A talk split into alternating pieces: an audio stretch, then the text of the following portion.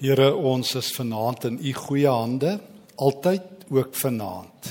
Dankie dat ons lof na u toe kom.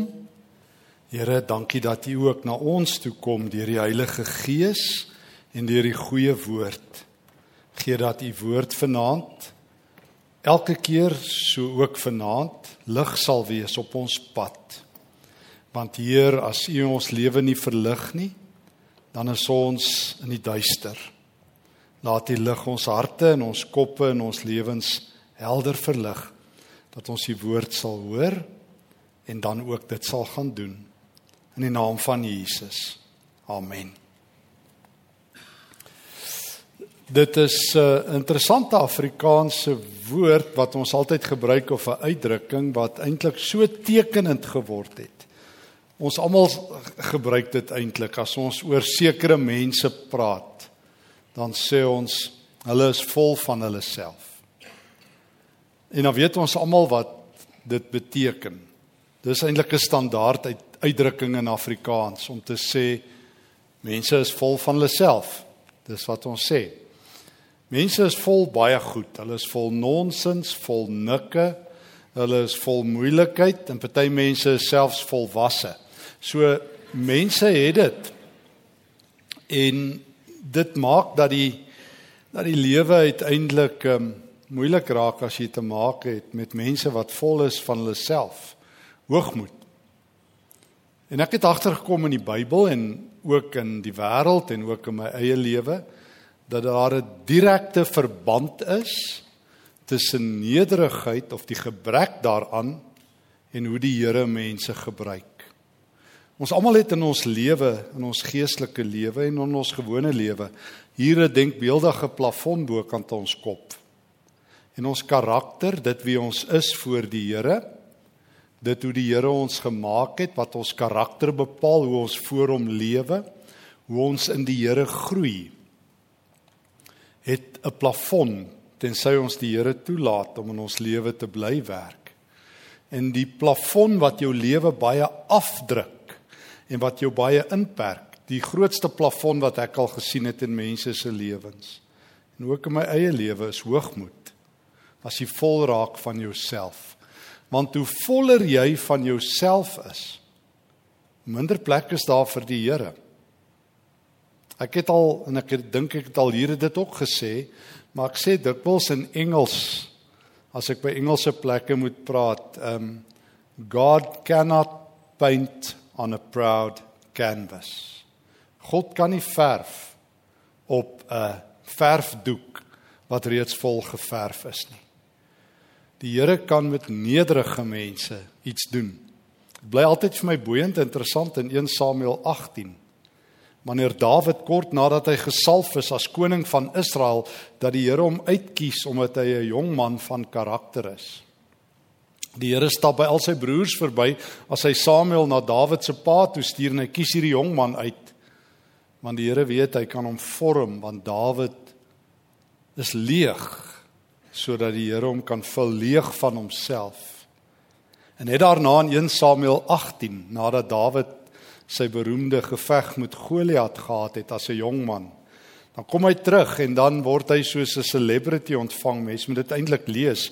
Dit ehm um, dit klink amper soos een van die top supersterre van ons dag wat by 'n by 'n stadion opdaag en al die vroue dans en sing oor koning da oor Dawid. Hy was toe nog nie koning nie, oor hierdie jong man. En ek hoor hoe hulle sing daar staan en 1 Samuel 18 toe Dawid teruggekom het nadat hy die Filistyn verslaan het en Saul hulle op pad huis toe was, het die vroue van al die dorpe van Israel uitgegaan om te sing. En die danseresse het koning Saul tegemoet gegaan met tamboeryne en drie snarige musiekinstrumente. En die vroue het gedans en gejubel. Saul het sy duisende verslaan, maar Dawid sy 10000de. Nou jy sing dit nie vir die koning nie. As jy nou wil moeilikheid hê met 'n man wat vol is van homself, Saul. En hier sing al die vroue. Nee, Saul, jy's okay, maar Dawid is beter. Jy vat duisende, Dawid vat 10000de. Daaroor het Saul hom vererg. Die ou vertaling sê dit het hom nie geval nie. Nou dit beteken in my taal, hy het dit nie gelike nie. Hy het nie op Facebook 'n like gegee of op dit nie. Hy het 'n gesiggie, hy het 'n emoji gesit wat sê ek is nou baie kwaad, want sy ego kon dit nie vat nie. Ek lees dat een van die ou Griekse filosowe eendag gesê het: As die gode jou wil straf, maak hulle jou ryk of magtig. As die gode jou wil straf. Van die dinge wat mense die gouste vol van hulle self maak, is as hulle mag kry, as hulle autoriteit kry. En ons sien dit met politici, dis die maklikste om dit raak te sien. Maar partykeer sit jy iemand net in 'n posisie. Daar's 'n beroemde studie in Amerika gedoen gewees 'n klompie jare gelede wat baie omstrede was waar 'n professor, ek dink nog dit was by Stanford waar hy 'n klomp studente gevat het, sielkundige, 'n siel, dit was 'n sielkundige klas. En toe maak hy 'n tronk situasie na. Toe maak hy 'n klomp studente gevangenes en 'n ander klomp studente bewaarders. Hierdie studie is regtig berig, jy kan dit gaan lees op die internet. Dit het so berig geraak dat die studente wat bewaarders geword het fisies begin het om die ander studente aan te rand fisies. Dat hulle in daai rol ingeleef, daai mag wat hulle het as bewaarders. En ek het nou die dag weer gelees van iemand wat um, geweldsmisdaad gepleeg het omdat hulle hulle self selle so ingeleef het in hierdie magsrolle van die rekenaarspeletjies waarmee hulle besig was. So dit klink vir my mag kan jy op enige plek inwag. Kan jy in gaming inwag. Dit kan jou in in 'n in 'n studentklas inwag. Kan jy inwag as 'n politikus. Dit kan jou inwag. Ek onthou nog toe ons op skool was, dalk was dit net my persepsie, maar ons het geweet as daar een ou klaskaptein is, het ons moeilikheid want daai ou kan nie dan daai maand as wat hy is. Elke maand het ons klas 'n nuwe klaskaptein gehad, maar daai mannetjie dit gelyk om mag te hê. Hy wou ons dan net reg sien en regryk en uitsorteer. Mag maak jou vol van jouself. Maar sommer raak jy net vol en ons is nie so gebore nie. Jesus roep ons op om 'n voorskoot te dra. Ehm um, en en en en en en om om anders deur die lewe te gaan. Ek wil graag graag die drie rolle wat Jesus vir ons uitkies sodat ons nie aan mag en aan aan onsself verslaaf sal raak nie met jou lees. Ek begin by Matteus 18. Ek wil graag Jesus se groot woorde lees. Dit is so bekend, maar dit is so tydloos, so waar en so mooi. Matteus 18 vers 1. In daardie tyd het die disippels by Jesus gekom met die vraag: Wie is die belangrikste in die koninkryk van die hemel? Wie het die meeste mag? Wie is die indrukwekkendste? Wie is die een wat daar voorloop? Wie is die wie is die man, wie is die vrou, wie is in beheer? Of wie is die belangrikste? Is dit dalk een van ons? En toe doen Jesus sy skokkendste ding ooit op so antwoord. Hy roep toe 'n kindjie nader. En hy het hom tussen hulle laat staan en gesê dit verseker ek julle, as julle nie verander en soos hierdie kindertjies word nie, sal julle beslis nie in die koninkryk van die hemel kom nie. Wie homself gering ag soos hierdie kindjie, hy is die belangrikste in die koninkryk van die hemel. Niemand in die wêreld glo Jesus nie. Almal sê Jesus is is die Here. Selfs in die kerk, maar niemand by wyse van spreuke vat Jesus ernstig. Baie ons dink dit was maar 'n advertensiebreek dat Jesus dit sommer maar net so vinnig gesê het om spasie in die Bybel vol te maak. Jesus sê as julle nie verander Maak nie saak hoe jonk jy is, hoe oud jy is, hoe belangrik jy is, hoe bekend jy is, hoe superster jy is, hoe gewoon jy is nie as jy nie almal verander en soos hierdie kindertjies word nie. Sal jy dit nie maak nie. Soos ek altyd vir myself sê en oor en oor sê, die koninkryk van God is net vir kinders. Nie vir groot mense nie. So groot mense moet verander en kinders word. Ek onthou toe ek 'n student was, En uh, my vrou het daai tyd ons nog uitgegaan het sy opvoedkunde as 'n vak gehad uit die hart van die saak en sy onderwyseres geswat het by die universiteit en een van die definisies in een van hulle opvoedkunde handboeke vir 'n jong mens of 'n kind was dis iemand onderweg na volwassenheid. Toe sê ek van gooi daai boek weg, hulle kontamineer julle. Maar sy kon nie. Want as dit waar is dat 'n 'n jong mens iemand is wat nog op pad is om iets te word. Dis soos die kerk wat altyd gesê het die jong mense is die kerk van môre. Toe oomert vir my sê oom ek sê dan jy die kerk van gister. toe hy vir my kwaad en ek ook omdat hy gesê het jong mense is die kerk van môre. Want ons almal is nou die kerk hier. Die Here het nie tyd vir gister en môre en wanneer nie. Maar dit was wat hulle geleer het vir studente. Jy's eintlik net 'n volledige mens as jy nou volwasse is of vol van jouself of wat ook al. Maar Jesus verskil. Hy sê, "Kan ek asseblief groot mense wat groot is in hulle self en vol is van hulle self. Party jong mense en kinders word ook vol van hulle self. Mens word nooit so gebore nie. Ek het nog nooit gesien 'n babietjie wat gebore sê, "I demand nie." Hulle huil maar net om te kos het. Hulle sê nie ek wil nou my foto op Facebook hê en ek wil nou 200 likes hê omdat ek gebore is nie. Maar dit is dit is die hartseer, die wêreld maak ons vol van onsself. Sosiale media maak ons vol van onsself. Ons raak verslaaf van onsself. Dit omvorm ons in semi, ek weet nie wat nie, celebrities en die lewe. Sodat uiteindelik koning Saul wanneer hy nederig moet wees om 'n volk te regeer, so vol is van homself. Dawid laat hom nie geval as almal sing hy verslaan sy 10000de nie, want hy het nie nodig dat ouens vir hom elke keer op sy kop vryf en sê jy's okay nie. Hy was okay voor die Here. Daar's niks meer verkeerd as mense dit vir jou sê nie. Maar as jy die hele tyd likes nodig het en aanmoediging nodig het en almal vir jou moet vertel jy's okay, dan het jy 'n ego probleem. Vra vir koning Saul. En omdat Saul nie sy ego beheer het, hierdie volheid vol van homself nie, het hy kort hierna sy koningskap verloor want God kan hom nie gebruik nie. Moes God se Heilige Gees wegvat. Hy sê ek kan met jou niks doen nie, Saul. Daar's vir my geen plek in jou lewe nie. Jy het al voller en voller geword van jouself en ek kan niks met jou doen nie. Jesus soek mense met voorskote aan wat kan dien. En al maniere hoe hy ons kan kry om te dien is ons kleiner word in onsself. En ek het dit ook al gesê want ek het dit by CS Loos geleer. Nederigheid beteken nie ek um, ek dink minder van myself nie. C.S. Lewis het gesê nederigheid beteken ek dink minder aan myself. Het jy die verskil gehoor? Ek het nie 'n ekskuus dat ek leefhouding. Want baie ons dink dis as jy nederig is dan bedoel jy klap my hier, klap my daar en spring daar op my kop nie. Nederige mense is sterk mense. Maar dit beteken ek is nie behep met myself nie. Ek word kleiner. Paulus leer my in Filippense 2 Hy verwys die gemeente na Jesus. Hy vertel vir hulle vanaf vers 6 tot 11 tel hy hulle van Jesus. Dan sê hy in vers 3 en 4: Dieselfde gesindheid moet in julle wees wat in Christus is. En dan verduidelik hy wat wat is die hart van Jesus. Dan sê hy die een moet die ander een hoër ag as homself. Bedoelende in gewone Afrikaans, jy moet wanneer ag jy iemand hoër as jouself? Wanneer jy kan opkyk na hulle.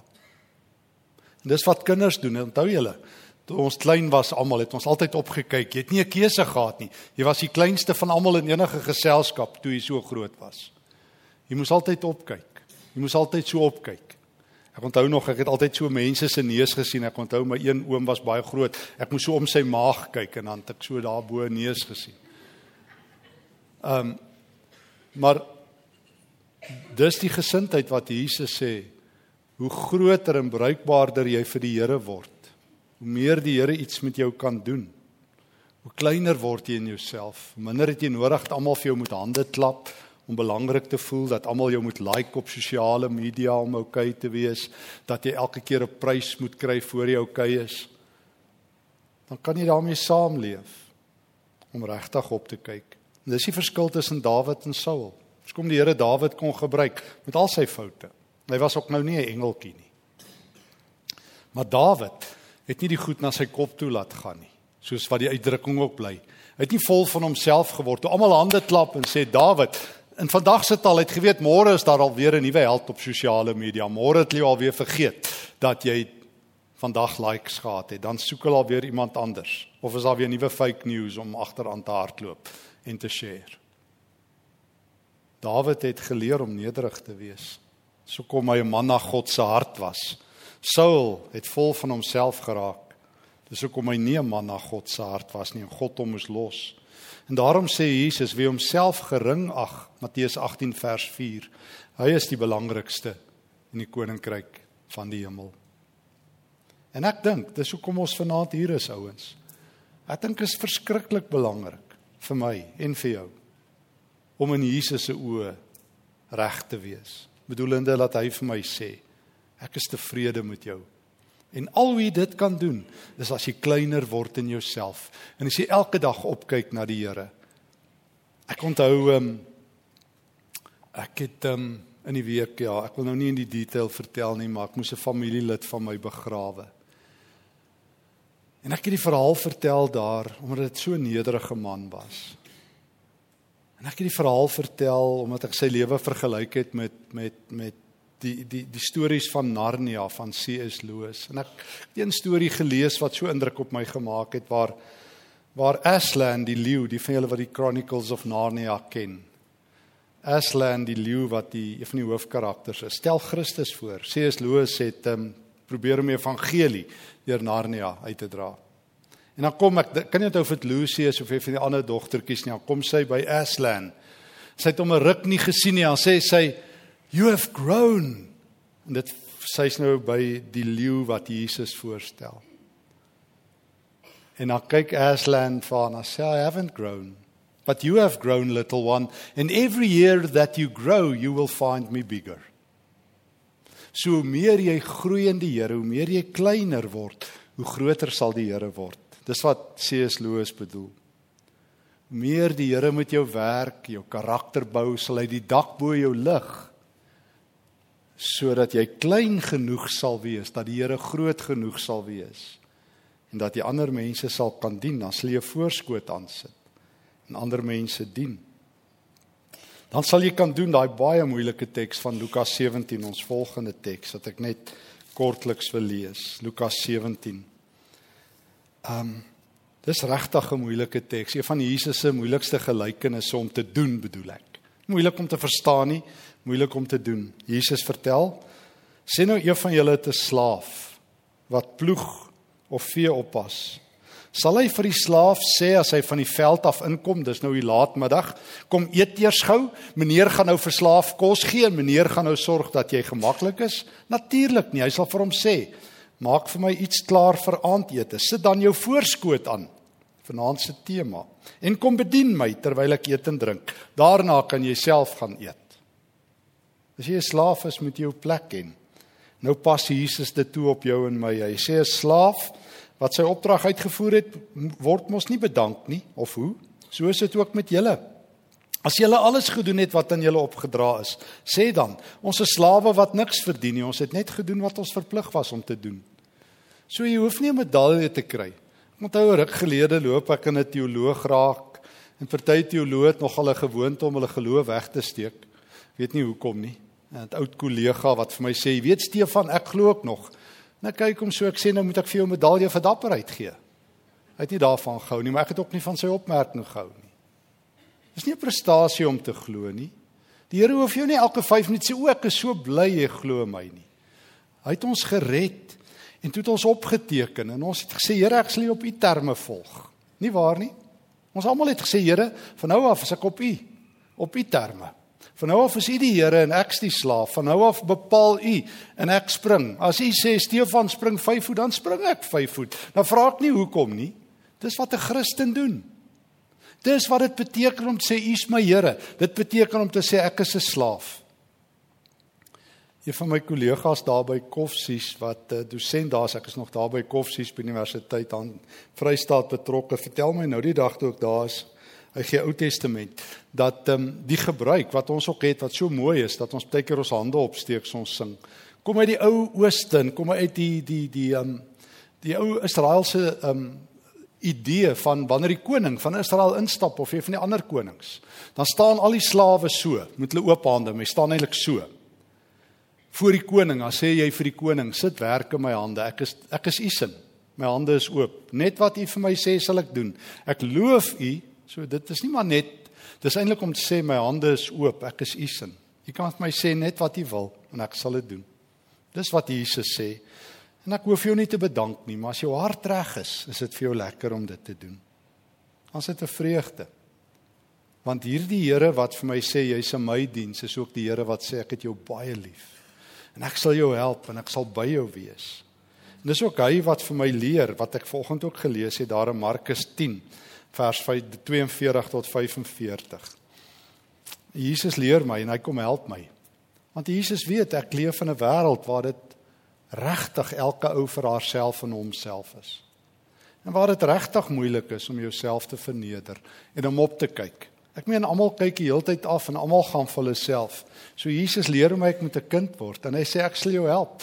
Jy's in my diens. Ek hoef jou nie dankie te sê nie, maar ek sal jou help. En daarom sê in Markus hoofstuk 10, daartoe sy eie disippels weer veg vir die belangrikste plekke. Toe sê hy vir hulle in vers 42, toe roep hy hulle nader en hy sê vir hulle: "Julle weet dat by die nasies dit so is dat hulle regerders oor hulle baas speel en dat hulle groot manne die gesag oor hulle misbruik. By julle moet dit nie so wees nie." So dis hoe Jesus my help. Hy sê: "Weet jy wat? Jy gaan in 'n wêreld wees waar dit net oor jouself gaan." waar jy mense gaan moet beïndruk met jou CV waar mense jou gaan meet aan wat jy doen waar jy die heeltyd in kompetisie met ander gaan wees. Moenie so wees as jy by my is nie. Ek wil nie hê jy moet so wees nie.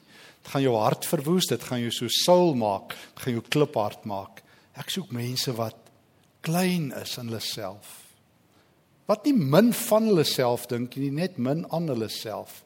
Wat opkyk wat vreugde ken Hy sê elkeen wat groot wil wees in julle kring moet julle dienaar wees en elkeen wat eerste wil wees moet julle almal se dienaar wees. Soos ek, die seun van die mens het nie gekom om gedien te word nie, maar om te dien en om sy lewe te gee as 'n losprys vir baie. So Jesus help my, hoe sit ek 'n voorskoot aan?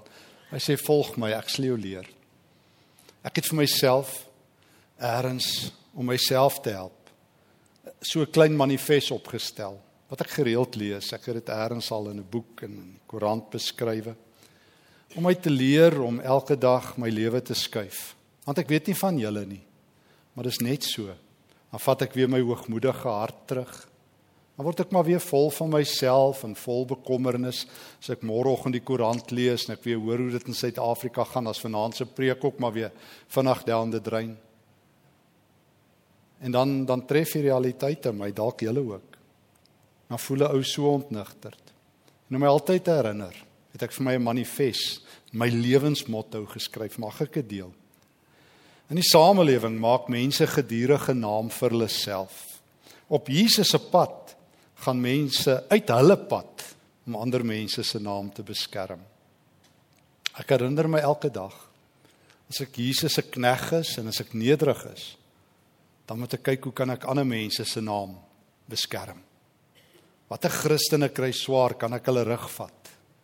Kan ek vir iemand iets beteken en hoe? My tweede punt, in die samelewing kompeteer mense op die beste plekke en posisies. Op Jesus se roete staan mense graag die beste plekke af van ander. En dis moeilik. Ek meen ek ek het agtergekom daar's altyd 'n ry plek agter. Jy moet kyk, die teorie van ry staan. Jy kry altyd plek in 'n ry. Altyd agter in nuwe in Suid-Afrika probeer almal die taksies en almal voorkom en dan's almal kwaad want daar's nie plek voor nie. Dis agter. En as jy nou mense wil warm kry, dan moet jy nou voor hulle indruk.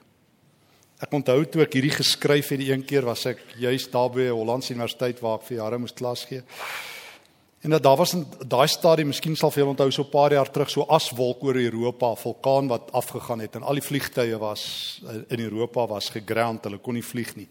En ek moes terugvlieg Suid-Afrika toe en 3 dae voor ek moes vlieg het Schiphol lughawe oopgemaak en toe ek daar by Schiphol kom, toe moes ons buite die lughawe staan. So chaos is dit net om in die lughawe in te kom.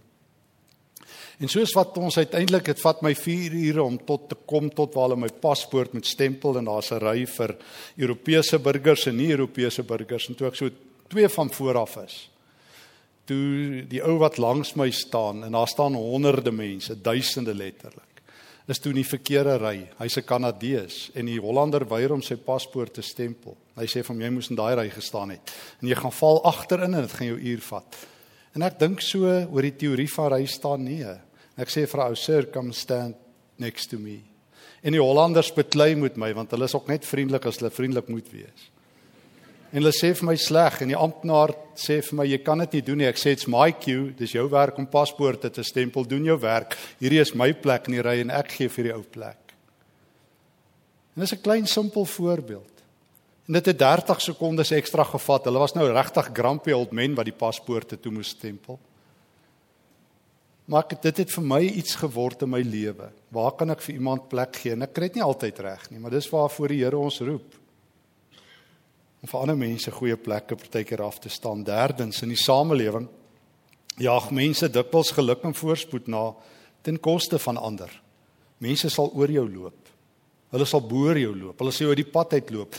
Ons almal het 'n teken hier agter op ons rug. Skiet my hier en skiet my daar. In Suid-Afrika letterlik ook. Maar maar baie mense sal vir jou uit die pad uitloop. Hulle sal jou verneder, hulle sal jou bedrieg as hulle kan iets uit jou uitkry. Maar Jesus sê die feit dat almal dit doen, jy's 'n Christen. Ek wil jou gebruik om anderster te wees. Ek het jou nie geroep om soos almal te wees nie. Daar was jou naam almal. Dan het die Bybel ons nie Christene genoem nie, maar almal lees of so iets. Dat ons gedoen wat almal doen. Maar ek roep jou om anderster te wees. Op die pad van Jesus offer sy volgelinge graag hulle eie geluk en voorspoed op tot voordeel van ander rondom hulle. Hoeveel mense is deur jou bevoordeel in die afgelope tyd? In die samelewing is dit die sterkstes en die bestes wat bo uitkom. Op die roete van Jesus is dit die nederiges wat God se oog vang. By hom is laaste eerste en klein groot. Jy mag miskien tydelik wen, maar jy het nie God se oog nie. Nie het nie sy oor nie, maar as jy klein is en nederig is en opkyk en respekteer, al is jy die enigste ene en en nie te veel van jouself dink nie en en en vir ander mense plek maak en vir mense omgee. Sê God, sal God jou raak sien, sal hy jou op die regte tyd verhoog. Jakobus sê verneder jou voor die Here, hy sal jou verhoog. Jakobus 4. In die samelewing is sukses sinoniem met geld en besittings. Op Jesus se pad is sukses sinoniem met die dra van 'n kruis. In die samelewing tel titels en kwalifikasies baie. Op Jesus se pad tel karakter. Dalk in julle wêreld en die wêreld waar ek ook baie beweeg, het ouens titels wat jy nie kan glo nie. Die mense is so slim soos bome vol eile. Maar dit beteken nie karakter het gevorm nie. Ek sê nog altyd my oupa het my meer van die Here geleer. Ek dink hy het 'n start 6 sertifikaat gehad. Hy was 'n beter teoloog as sy kleinkind wat 'n professor geword het. Want my oupa die Here geken, hy't 'n man van karakter gebly. Die Here het hom nederig gehou. En ek het by my oupa van die Here die meeste geleer. En ek het agtergekom, dit tel niks. Titels kom en titels gaan. Posisies kom en posisies gaan. Maar karakter dra jou vir altyd. Ek onthou 'n bekende ehm um, joernaal, 'n bekende model 'n wêreldbekende een van die wêreldbekende modelle sê tot op ouderdom 40 gesyne vertrek en gestap het, het almal gekyk want sy was hierdie wêreldberoemde voorblad Vogue model. En van 40 af het mense haar nie meer so raak gesien nie. Sy sê sy het een groot fout gemaak, sy het nooit haar karakter gegroei nie. Sy het op haar skoonheid staat gemaak op haar uiterlike. Toe kom sy agter sy het 40 jaar se agterstand. Omdat sy nie toegelaat het dat God haar van binne af mooi maak. Dat sy 'n vrou is wat met karakter voor God kan lewe nie. Gelukkig is dit nooit te laat om in te haal nie. Laaste ene. Tweede laaste ene. In die samelewing word mense gemeet aan hulle uitsette en prestasies. Op Jesus se pad is ons almal geliefdes van hom. Ons hoef nie meer sy gunste wen nie. Ek hoef nie God om te koop nie. Ek hoef nie te traai nie. Hy het my in elk geval lief. Hy het my lief as ek val. Hy het my lief as hy my optel. Hy het my lief as ek 'n wenhaal vir hom en 'n goeie lewe leef en hy het my lief as ek struikel. Hy gee nie vir my 'n sonde lisensie nie, maar hy los my waaragtig nooit. En laastens, in die samelewing is geluk dikwels uiterlik en kortstondig. Op Jesus se pad is geluk diep geanker in vrede met die Here. En dit alles begin wanneer ek Jesus ernstig vat in Matteus 18. Hy sê, "Wil julle groot wees? Word kinders." Of in Lukas 17 word my slawe en wees net tevrede dat jy vir my kan lewe nie erkenning soek nie en in Markus 10 ek is die seun van die mens ek gee ook my lewe leer by my wat sal nie gebeur as ons vol is van die Here en nie meer vol is van onsself nie as ons kinderlik kan opkyk na hom en na mekaar. Mag die Here ons help. Amen. Dankie Here vir die woord. En dankie dat U ons leer van nederigheid. Here leer ons om 'n voorskoot aan te sit omdat ons klein genoeg is om ander te dien en klein genoeg is om op te kyk na U. Gebruik ons Here, maar maak ons nederig genoeg sodat ons karakter sal vorm tot U eer. Bid dit in Jesus se groot naam. Amen.